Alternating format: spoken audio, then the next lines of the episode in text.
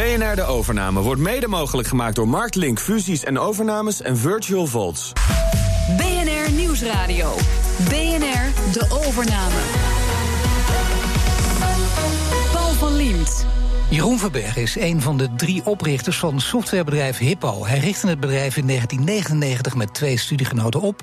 En inmiddels hebben ze 170 klanten in 13 landen en werken er 100 medewerkers. Dan ineens hangt een bedrijf uit Silicon Valley aan de lijn met de vraag of ze willen samenwerken. Een half jaar later is Hippo overgenomen. Welkom bij de overname. Dus in eerste instantie weet je ook niet precies van, nou ja, willen ze gaan partneren, als in echt partneren, of uh, bedoelen ze wat anders? Uh, ik heb ook wel eens brieven gekregen van, hoe je zegt dat, een soort makelaars zijn, bedrijfsmakelaars. Van, nou ja, Piet wil misschien je bedrijf kopen. Constructie is ook iets anders dan ja, een hele simpele recht toe recht aan overname. Voor ons was het juist heel belangrijk dat het niet zo was van, oké, ga daarna maar wat anders doen. Bij hem was het ook zo van dat hij op zoek was naar een extra co-founders eigenlijk in zijn bedrijf. Ik heb eigenlijk geen plan B. op zich is het heel leuk om uh, lachend je, je internetbankieren te openen. Ja, Jeroen, dat eerste contact, dat is altijd leuk om te weten. Hoe verliep dat? Um, nou, dat, het eerste contact, de eerste ontmoeting was op uh, Schiphol. Uh, een, een etentje, maar in principe werden we gebeld. kregen een telefoontje, een introductie. En probeerden een uh, assistent een afspraak in te plannen. Ja. En ja, heb je een kort telefoongesprek met elkaar om elkaar te leren kennen. Ja, kort telefoongesprek om elkaar te leren kennen. Gaat dat in een kort telefoongesprek? Nee, nee, nee, je leert elkaar dan niet echt kennen. Maar ik bedoel dan meer leren kennen op bedrijfsniveau. Dus het gaat er dan meer om van, nou ja, eh, in de softwareindustrie wordt natuurlijk heel veel eh, partnerships afgesloten. En uh, we hebben ook partners die onze software implementeren. Er zijn allerlei producten die ook van toepassing zijn als je zeg maar een digitale omgeving bouwt. Dus in eerste instantie weet je ook niet precies van, nou ja, willen ze gaan partneren, als in echt partneren, of bedoelen ze wat anders? En wist je meteen wat ze bedoelden? Um, nou, het is vrij zelden dat je zeg maar gelijk die afspraak met de CEO van dat andere bedrijf is. Dus ik had wel een vermoeden. Dat ik dacht van nou, dit is misschien iets een intensiever partnership dan, uh, dan normaal gesproken. Het bedrijf kende je wel, Bloombridge. Dat is geen gewoon bedrijf. Dat is een bedrijf uh, werkzaam in Silicon Valley. Heeft een grote naam ook. Uh, ja, nou, zeg maar in, met name in hun uh, industrie, zeg maar in de retail-industrie in Amerika, hebben ze een grote naam, daar zijn ze erg bekend. Uh, maar we kennen zeg maar in Europa, uh, doen ze minder. En dus ik kende ze eigenlijk niet, niet zo goed. Uh, dus dat was, uh, was eigenlijk, ik was wel nieuwsgierig. Wat dus je ging redelijk open dat gesprek in? Absoluut, ja, ja. Nee, ik ging dat open in.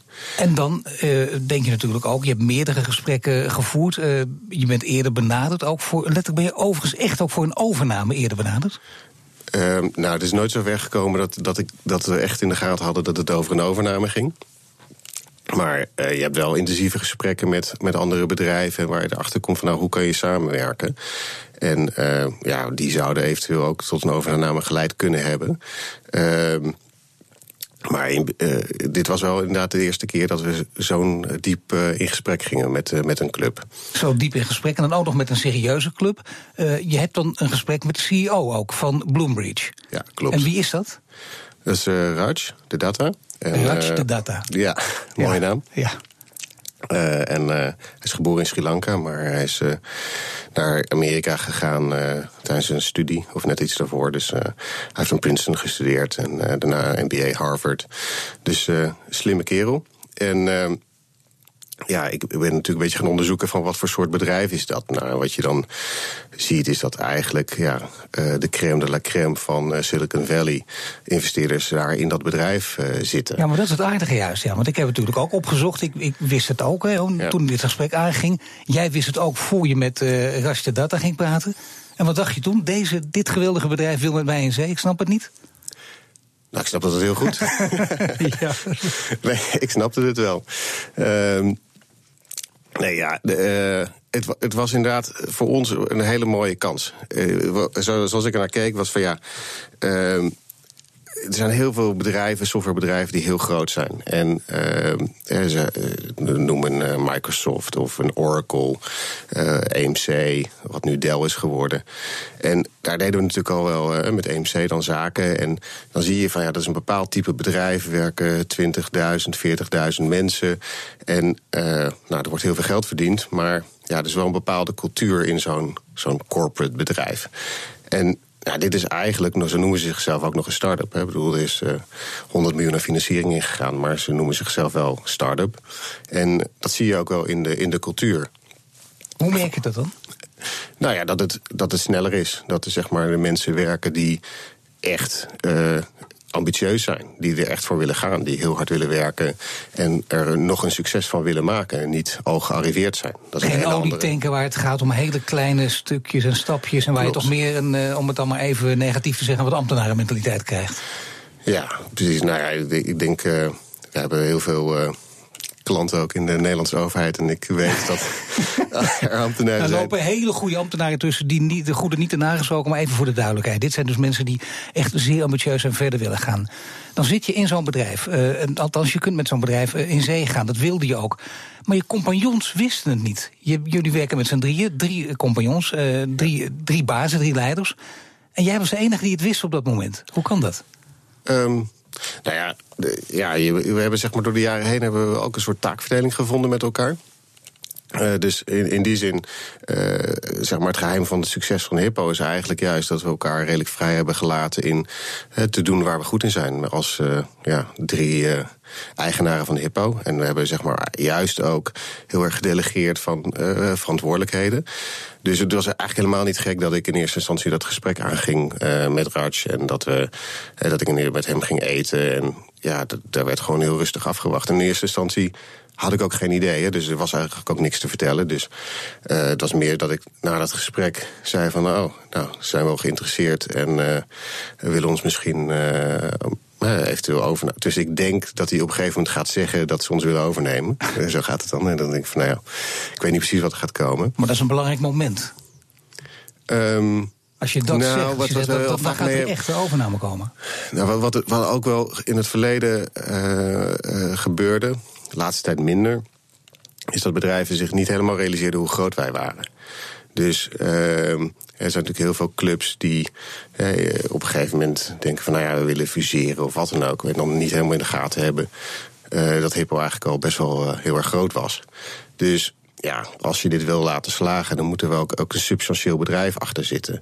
Dus ehm, ja, daar verkijken mensen zich dan wel eens op. En ehm, ik heb ook wel eens brieven gekregen van uh, willekeurige uh, clubs die dan mediteren. Uh, hoe zeg je dat? Een soort makelaars zijn, bedrijfsmakelaars. Van nou ja, Piet wil misschien je bedrijf kopen. En dan denk ik van nou, misschien dat Piet niet helemaal een idee heeft wat hippo is. Ja. Um, maar in dit geval was het natuurlijk anders. Want ja, met, met uh, meer dan 100 miljoen aan venture capital erin... Ja, dan kan je wel uh, een verschil maken natuurlijk. Dan ben je heel groot, maar dan wil je wel weten... ook of de bedrijven op een of andere manier bij elkaar passen. Heb je daar een soort model voor kunnen bouwen? Hoe ben je daar achter gekomen?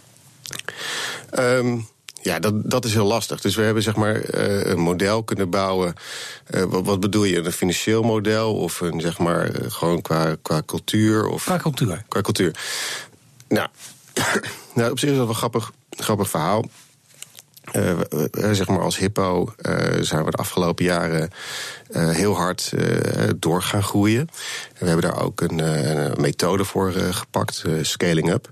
En een hele leuke groeimethode voor zeg maar start-ups die door willen stoten naar, een, naar, naar meer omzet, naar groter succes.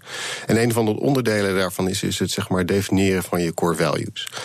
En dat hadden we eigenlijk nooit gedaan. Dus we hadden nooit opgeschreven nou, wat vinden we nou eigenlijk belangrijk. En Ehm, we hadden een consultant ingehuurd, uh, Rutger Prent, en die uh, hielp ons bij de implementatie van die uh, scaling-up methode. Maar ja, dan zie je meestal van die keurige begrippen. We zijn integer en we zijn goed bezig en noem maar op. Ja, precies. Dat, nou, dat was eigenlijk de reden dat we het nooit hadden gedaan. Want er kwam altijd iets heel gratiets uit. Ja. en, ja. en ja, wel, sterker nog, we hadden het wel eens volgens mij opgeschreven voor een Amerikaanse RFP, waarin ze dan per se in die RFP moest staan: wat zijn jullie core values? Nou, daar hebben we wat uh, hele serieuze dingen opgeschreven. Ja. Um, die ook waar waren natuurlijk. Maar uh, Nee, dit was een andere methode. Nou, het is een, be een, beetje de secret sauce van Rutger, hoe hij dat deed. Uh, maar er kwamen hele grappige dingen uit. Uh, hij had er zeg maar een, een techniek om er nou achter te komen wat je nou echt belangrijk vindt. Want wat echt belangrijk is voor een bedrijf, is de mensen die er werken. En de mensen maken eigenlijk de cultuur. Dus uh, waar je veel meer over na moet denken: van nou, wie wil ik in dit bedrijf hebben en wat maakt zo'n bedrijf. Maar zou je dan een paar van die waarden kunnen noemen die, die nou, wij hadden de... overeenkwamen? Nou, dus wat wij hadden, bij ons kwamen dus ja, gekke dingen, of gekke dingen uit, leuke dingen uit. Dus een van onze core values van Hippo is humor. En humor is natuurlijk niet een hele voor de hand liggende core value als uh, bedrijf. Maar, maar niet in de zin van dat er allemaal cabaretiers werken bij Hippo, hè? Nee, voor nee. duidelijkheid. Nee, maar... nee, nee, die misschien ook, maar het ging er meer om eigenlijk van, nou, hè, dat je jezelf niet al te serieus moet nemen. Dat je, hè, dat je ook moet kunnen relativeren. En dat het belangrijk is voor een samenwerking. Dat je dus ook ja, een serieuze discussie kan afwisselen met, met uh, wat ontspanning. En wat had Bloomberg dan uh, nou, als dus, tegenhanger? Ja, zij hadden uh, de, de, of ze hebben de, de value no drama. Ja. Wat eigenlijk ook niet een hele standaard Amerikaanse value is. Hè, waar we net over hadden van integrity of wat dan ook. Um, en dus en het was eigenlijk ook een van de eerste dingen die Rewards tegen mij zei. Hij, hij, dus hij zit heel erg op. Zij hebben het anders gedaan. Hij heeft zeg maar, hiervoor al bedrijven gehad en is overgenomen door Cisco uh, met zijn bedrijf. En toen had hij, zeg maar, toen hij dit bedrijf begon, had hij voor zichzelf gedacht: oké, wat voor bedrijf wil ik nou hebben? Dus zij had het van tevoren opgeschreven. En uh, zijn daarop, uh, ja, zeg maar in het recruitmentproces op gaan letten. En ja, hij, hij was er dus heel open over. Van, en hij vond het ook heel belangrijk om daarmee te beginnen in het gesprek met mij ook. Of nou niet misschien zeg maar het eerste gesprek, maar wel in het tweede gesprek. Zo van, nou, dit vinden wij belangrijk. Is het uiteindelijk een, een tamelijk geruisloos proces geweest? Uh, met andere woorden, ook hoeveel tijd heeft het uh, in beslag genomen? Nou, ik vond het best lang duren. En mevrouw ja. ook, maar... ja. Hoe lang duurde het in totaal? Um, nou, ik denk dat we er al vier maanden zeg maar, het intensieve stuk was zeker vier maanden heel intensief. En met grote obstakels die te overwinnen waren? Of was dat, verliep dat geruisloos? Ja, nou, kijk, uh, ze waren sowieso te overwinnen, anders had ik hier natuurlijk niet gestaan. Maar uh, ja, het waren wel grote obstakels. Want je, je hebt natuurlijk wel. Uh, um, je moet bij elkaar komen en de, de constructie is ook iets anders dan ja, een hele simpele recht toe recht aan overname. Hè. Dus je hebt hele recht toe recht aan overnames waarbij je, uh, zeg maar, er is één partij met heel veel geld en die zegt van nou, hier heb je een zak geld en uh, ga lekker op het strand zitten. Um, of tenminste, in extreem is. Ja. Um, in ons geval was het juist het idee dat wij als drie oprichters van Hippo uh, door wilden met het bedrijf. Voor ons was het juist heel belangrijk dat het niet zo was van... oké, okay, ga daarna maar wat anders doen. Dus wij wilden juist heel goed weten uh, ja, wat er na die overname voor ons uh, in het vat zat. En daar gaan we het zo meteen over doorpraten. Straks dus. Hoe laat je een bedrijf los dat je zelf hebt opgebouwd? BNR Nieuwsradio. BNR De Overname. Jeroen Verberg richtte 15 jaar geleden Hippo op en onlangs verkocht hij het aan een partij uit Silicon Valley. Wat gaat hij nu doen? Want ja, uh, Jeroen, als je een bedrijf uh, laat overnemen, als je jezelf laat overnemen, wat jullie gedaan hebben, dan kun je er ook niets meer mee te maken hebben. Bij jullie is het tegendeel het geval, want je treedt toe zelf tot de board van, van Bloomberg. Wat, wat, wordt jouw functie? Mijn functie wordt uh, de general manager van eigenlijk de content divisie. We hebben het bedrijf opgedeeld in commerce en content. En uiteindelijke doel is dat bij elkaar brengen. Maar de technologie in het bedrijf, eh, hun technologie is heel erg gericht op de commerce eh, sector. En onze technologie is heel erg gericht op uh, content, dus wat generieker. En ik word de baas eigenlijk van die afdeling. Ja, en toch interessant is dat jouw twee mede-oprichters, mede-compagnons, die blijven ook aan. Die gaan ook niet weg, die blijven doorgaan in het bedrijf, maar die gaan niet in het bestuur plaatsnemen. Betekent het dan dat jij in een andere hiërarchische positie tot, tot hen komt te staan? Dat je boven ze komt te staan? Um, nou, ik denk dat het wel meevalt. We hadden eigenlijk uh, in Hippo ook al. Dat het wel meevalt? ja. ja. nou ja. Je, bent gewoon, je staat een beetje boven ze. Een klein beetje, ja. ja. Nee, ja, eigenlijk hadden we. Uh, we hebben in Hippo ook op een gegeven moment gezegd: van ja, we moeten heel duidelijkheid worden wie uiteindelijk de eindbeslissing neemt. Dus uiteindelijk ja. hebben we ervoor gezegd: van nou, ik ben CEO. dus ik neem de eindbeslissing. En dus dat was binnen Hippo ook al zo. Was het uiteindelijk een van de obstakels of je wel of niet in het bedrijf actief zou blijven? Of was het van het begin van duidelijk dat je je niet alleen liet overnemen en dat je weg zou gaan, iets anders zou gaan doen? Was het van het begin van duidelijk dat je zou blijven? Ja, dat was duidelijk, want dat was eigenlijk ook voor Bloomreach uh, uh, heel erg belangrijk. Kijk, het is zeg maar, ze hebben het bedrijf gekocht als geheel en niet alleen maar de technologie om uh, daar iets mee te doen. Dat heb je ook heel weinig aan. Je, de technologie alleen zit uiteindelijk in de mensen. Dus het is, de mensen zijn super belangrijk. En ja, het, dus zeg maar, Raj wilde ook zeg maar eigenlijk uh, zijn team verbreden. En we merkten ook, uh, zeg maar, in de, in de gesprekken die steeds intensiever waren, dan, dan leer je ook meer over elkaar, meer over de geschiedenis. En uh, bij hem was het ook zo van dat hij op zoek was naar een extra co-founders eigenlijk in zijn, zijn bedrijf. Zo, zo voelt hij dat ook. Maar vanuit jullie bekeken, jullie zijn alle drie ondernemers, hebben nooit voor een baas gewerkt en dat wordt een andere fase dus. Dus je zult ergens anders misschien wel je voldoening uit moeten halen. Nou, ik denk dat dat. Uh, ik denk dat dat eigenlijk uh, niet zo heel erg veel gaat uitmaken. Ik ben, uh, we zijn super eigenwijs, maar wat je ziet is uh, binnen, binnen Bloomreach dat de mensen die zeg maar niet de ondernemer zijn, dat die ook super eigenwijs zijn. Dus daar kunnen ze goed mee omgaan. En, uh, ook al die eigenwijze types bij elkaar. Dat, ik, ik, ik, denk nu wel als dat maar goed gaat. Ja, nee, dat wordt heel spannend. Het is, we zijn natuurlijk volop bezig met aan elkaar, elkaar te leren kennen. En, je, en dat, dat is zeker een bepaalde gewenning, ook omdat je elkaar niet kent. Wel, welke termijn staat er bij jullie in het contract uh, voor de overname? Um, of na de overname? Nou, we, zeg maar, we, voor onszelf was het heel belangrijk dat we zeg maar, echt uh, gewoon konden blijven. Uh, en voor ons, het gaat niet zozeer om de, de contractstermijn. Waar, waar het er eigenlijk om gaat, is dat we ook gewoon aandeelhouder zijn in het geheel. Dus, dus een deel is in cash betaald, maar er is ook een heel groot deel in aandelen betaald. Dus wij zijn nu gewoon aandeelhouder Bloomreach. Dus we zijn eigenlijk nog steeds ondernemer. Dat scheelt, omdat je dus die positie van aandeelhouder hebt. Maar toch, bij iedere overname hoor je oprichters zeggen dat ze heel graag aanblijven. Maar de cijfers wijzen het tegendeel uit. Hè. Binnen een jaar is 95% van de oprichters weg. Heb je toch, ondanks het feit dat je ook aandeelhouder bent, een mede-aandeelhouder bent, heb je toch wel een plan B ook voor de zekerheid? Nee, het is grappig dat je dat vraagt. Ik heb eigenlijk geen plan B. Hey, nee. handig hè, dat, eh, dat je daar even Nee, nou, misschien even na deze uitzending over nadenken. Nee, ja. um, ik denk dat het heel anders is. Ik, ik denk dat. Uh, um, ik, iedereen die mij kent, die heeft van tevoren tegen mij gezegd: van, Nou, Jeroen, als jij zeg maar voor een grote corporate Amerikaan uh, daardoor overgenomen zou worden, dan ben jij binnen een jaar weg. Dan ben je, dat gaat niet werken. Dus dat was heel duidelijk uh, wat in, in, mijn omgeving ook iedereen zei. En dat was eigenlijk waarom dit zo'n unieke kans was, is.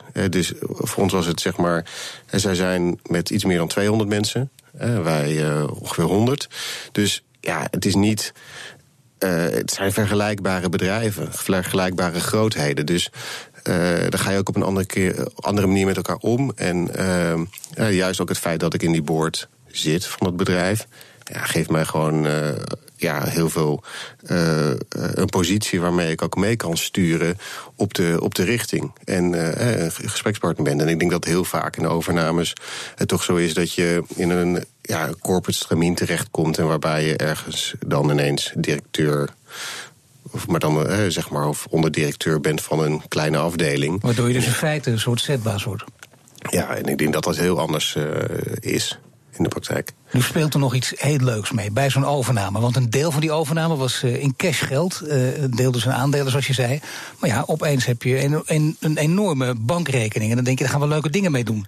Uh, hoe, hoe werkt dat op je? Want dat heeft op iedereen een ander effect. Maar op iedereen heeft dat denk ik wel een heel prettig effect.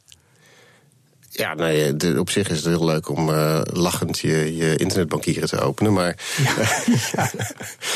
uh, ik kwam er ook achter dat ik zeg maar, uh, een beetje gebrek aan hobby's heb. nee, toch? ja, nee. Um, dus we hebben nog niet, dus voor mezelf sprekend. Um, ja, het is leuk, maar aan de andere kant is ook niet, niet heel erg belangrijk. Het is ook nooit iets wat mij heeft gedreven in het ondernemer. Nou, jou misschien niet, maar um, wellicht je vrouw. Dat zie je heel vaak. Dat partners denken, nou ja, uh, ik wil het er niet te veel met hem over hebben. Ik weet hoe die is, maar toch wel leuker dat hij het doet. Als hij het doet, dan, komt er een hele hoop geld op zijn rekening te staan. En dus op haar rekening. Um, Ja, nou, dat, misschien is dat wel, wel eigenlijk het allerleukste. Dat uh, zeg maar uh, voor mijn vrouw dat echt uh, totaal geen issue is. zij is zelf cardioloog, dus ze vindt sowieso geld onbelangrijk. En werkt, dus, dus iemand die in de zorg werkt. Dus nee, dat, daar ben ik niet zo bang voor dat dat een hele belangrijke driver is. Wat voor rol heeft zij wel gespeeld in dit hele proces? Nou, vooral mental support. En uh, uh, kijk, mijn vrouw kent mij als een heel ambitieus iemand. En uh, die zeg maar altijd dingen naar een hoger plan wil trekken. En wat zij merkte is dat deze mogelijkheid voor mij echt een kans was om ja, Hippo, wat nou, ik denk al heel erg succesvol is. En ik denk dat voor heel veel mensen er naar kijken van, die het kennen, denken van nou, dat is echt een heel succesvol bedrijf. Zo zie ik dat zelf ook. Maar mijn ambitie is uh, nog groter. en dus zij zag het als echt als een kans om hier iets heel groots neer te zetten. En ook passend bij jou dus. Juist vanwege die enorme ambitie denk je, ja, het kan nooit groot genoeg. Um, ja, in die zin wel. Maar ook en niet zozeer om groot, maar ook om uh, nieuwe mensen te leren kennen. Het is ook om zelf te kunnen leren. Het gaat niet alleen maar om dat ik nou per se dingen heel groot wil maken. Maar het was ook voor mij dat ik dacht van ja, om met deze mensen zaken te kunnen doen, om deze mensen mee samen te werken. Ja, dat dat heel inspirerend uh, is. Dan heb je al uitgelegd, en dat begrijp ik, eh, dat je vrouw wat minder om geld geeft. En uh, die heeft zelf natuurlijk ook uh, haar eigen geld, een eigen bankrekening. Maar ja, toch is het wel vaak zo, als er zo'n overname heeft plaatsgevonden, zeggen mensen, dan moet je jezelf ook een cadeau geven. Dan moet je jezelf op een of andere manier laten verteren, of jezelf echt verteren. Heb je iets op het oog, iets moois wat je wil gaan kopen? Um Nee, uh, dat heb ik niet echt op het oog. Schip, een boot, een, uh, ja, precies, een auto? nou, precies, met een boot daar kan je natuurlijk heel veel uh, geld in kwijt. Ja. um, en, en gelukkig zijn er ook nog ontzettend veel boten die ik niet eens kan betalen. Dus als je. um, maar inderdaad, onze boot die doet het eigenlijk nooit. We hebben wel een bootje, maar die is eigenlijk altijd stuk als we ermee willen gaan varen. Dus misschien dat we die dan eens even gaan vervangen. En ondertussen blijft voor jou toch het devies: dit werk is zo leuk, ook in deze positie. je vindt het helemaal niet echt dat je geen hobby's hebt. Je gaat niet op zoek naar hobby's, je blijft gewoon je volledig hierop richten. Uh, ja, absoluut. absoluut. Nee, er zijn het, natuurlijk, natuurlijk heb ik wel een paar uh, hobby's, dingen die ik leuk vind om te doen. Maar uh, niet dat ik een, een of andere totale workaholic ben, maar... maar je bent wel gemiddeld, als je het in uren uitrekent... ook al zul je de uren niet tellen, maar gemiddeld per week... hoeveel ben je ermee bezig met je werk?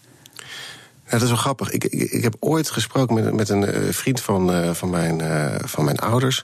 En die had zelf ook een bedrijf. En die, die had dus precies deze vraag werd aan hem, aan hem gesteld. Want die zocht een, een partner. En die, en die gaf eigenlijk het omgekeerde antwoord. Die zei van ja, je bent er gewoon nooit niet mee bezig.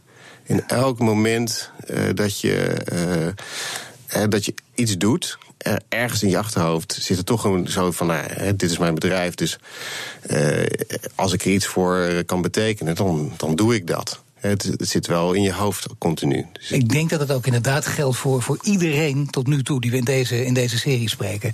En in dit programma, de overname, komen verschillende type ondernemers aan het woord. Allemaal dus over een overname. En de gast van vorige week was eh, Patrick Snijder. Die uh, is de man van de International Innovation Company. Heeft hij van zijn vader overgenomen. En die heeft een vraag voor jou. Hier komt Patrick Snijder. Oké. Uh, beste Jeroen, ik uh, vroeg me af. jij bent nu een, een, nieuwe fase eigenlijk aan het ingaan. Met een Amerikaans bedrijf. Je ziel en zaligheid zit in de oprichting van het bedrijf. Hoe ga jij straks eigenlijk afstand nemen van dat traject? Want zeker met een Amerikaans bedrijf zou het best eens kunnen dat de, eigenlijk de klik niet past. En wat dan? Als je zegt van jongens, ik heb uiteindelijk die stap gezet. De samenwerking gaat niet goed. En hij moet zijn kindje loslaten. Ja, je denkt dat dat niet gaat gebeuren, maar uh, Patrick denkt, nou wie weet gaat dat alsnog. Hè, een negatief scenario, het plan B-verhaal eigenlijk. Ja, nou, natuurlijk is het een hele logische vraag. En ik denk het proces van het kindje loslaten, uh, zo voelt het eigenlijk al wel hoor. Het is uh, zeg maar de, de, het moment dat we het aankondigden, uh, hadden we zeg maar het hele bedrijf bij elkaar geroepen. En stond ineens, ja, stonden er honderd man voor me. En moest ik gaan vertellen van, jongens, het is, er is iets gebeurd. we hebben het bedrijf verkocht. Nou, en dat was niet een heel euforisch moment van geluk. Dat was, voelde echt inderdaad, uh, zoals Patrick het omschrijft, als het loslaten van je kindje. En um, zo zie ik het ook wel. Dus ergens uh, is het ook een kwestie van loslaten. En um, dus dat emotionele scheidingsproces, uh, dat, dat heeft de afgelopen weken zich zeker, heeft zeker plaats gehad. Ehm, nou, als die klik er uiteindelijk niet is, ja, dan is die klik er niet. En dan, uh, ik bedoel, ergens vind ik het ook wel weer uh, mooi. Ik bedoel, uh. Wie weet, wie, wie, dan leeft, wie dan zorgt. En dan mag jij nu een vraag stellen aan Nick van Hussen, een M&E-bankier die zelf bedrijven ging kopen als investering. Ja, uh, ik vond het een heel interessante, interessante propositie om als bankier uh, maakbedrijven te gaan kopen. En uh, mijn vraag is. Hoe zorg je ervoor dat de bedrijven in die maakbedrijven jou uh, serieus nemen? Dat ze jou als echte gesprekspartner zien voor wat zij doen. Of ben je niet bang dat ze gewoon zullen denken: van ja, hij begrijpt er helemaal niks van? Oké, okay, Jeroen Verberg, dank je voor dit gesprek. En dit was de overname. Deze uitzending is terug te luisteren via bnr.nl/slash overname. BNR de overname wordt mede mogelijk gemaakt door The Room en Marktlink fusies en overnames.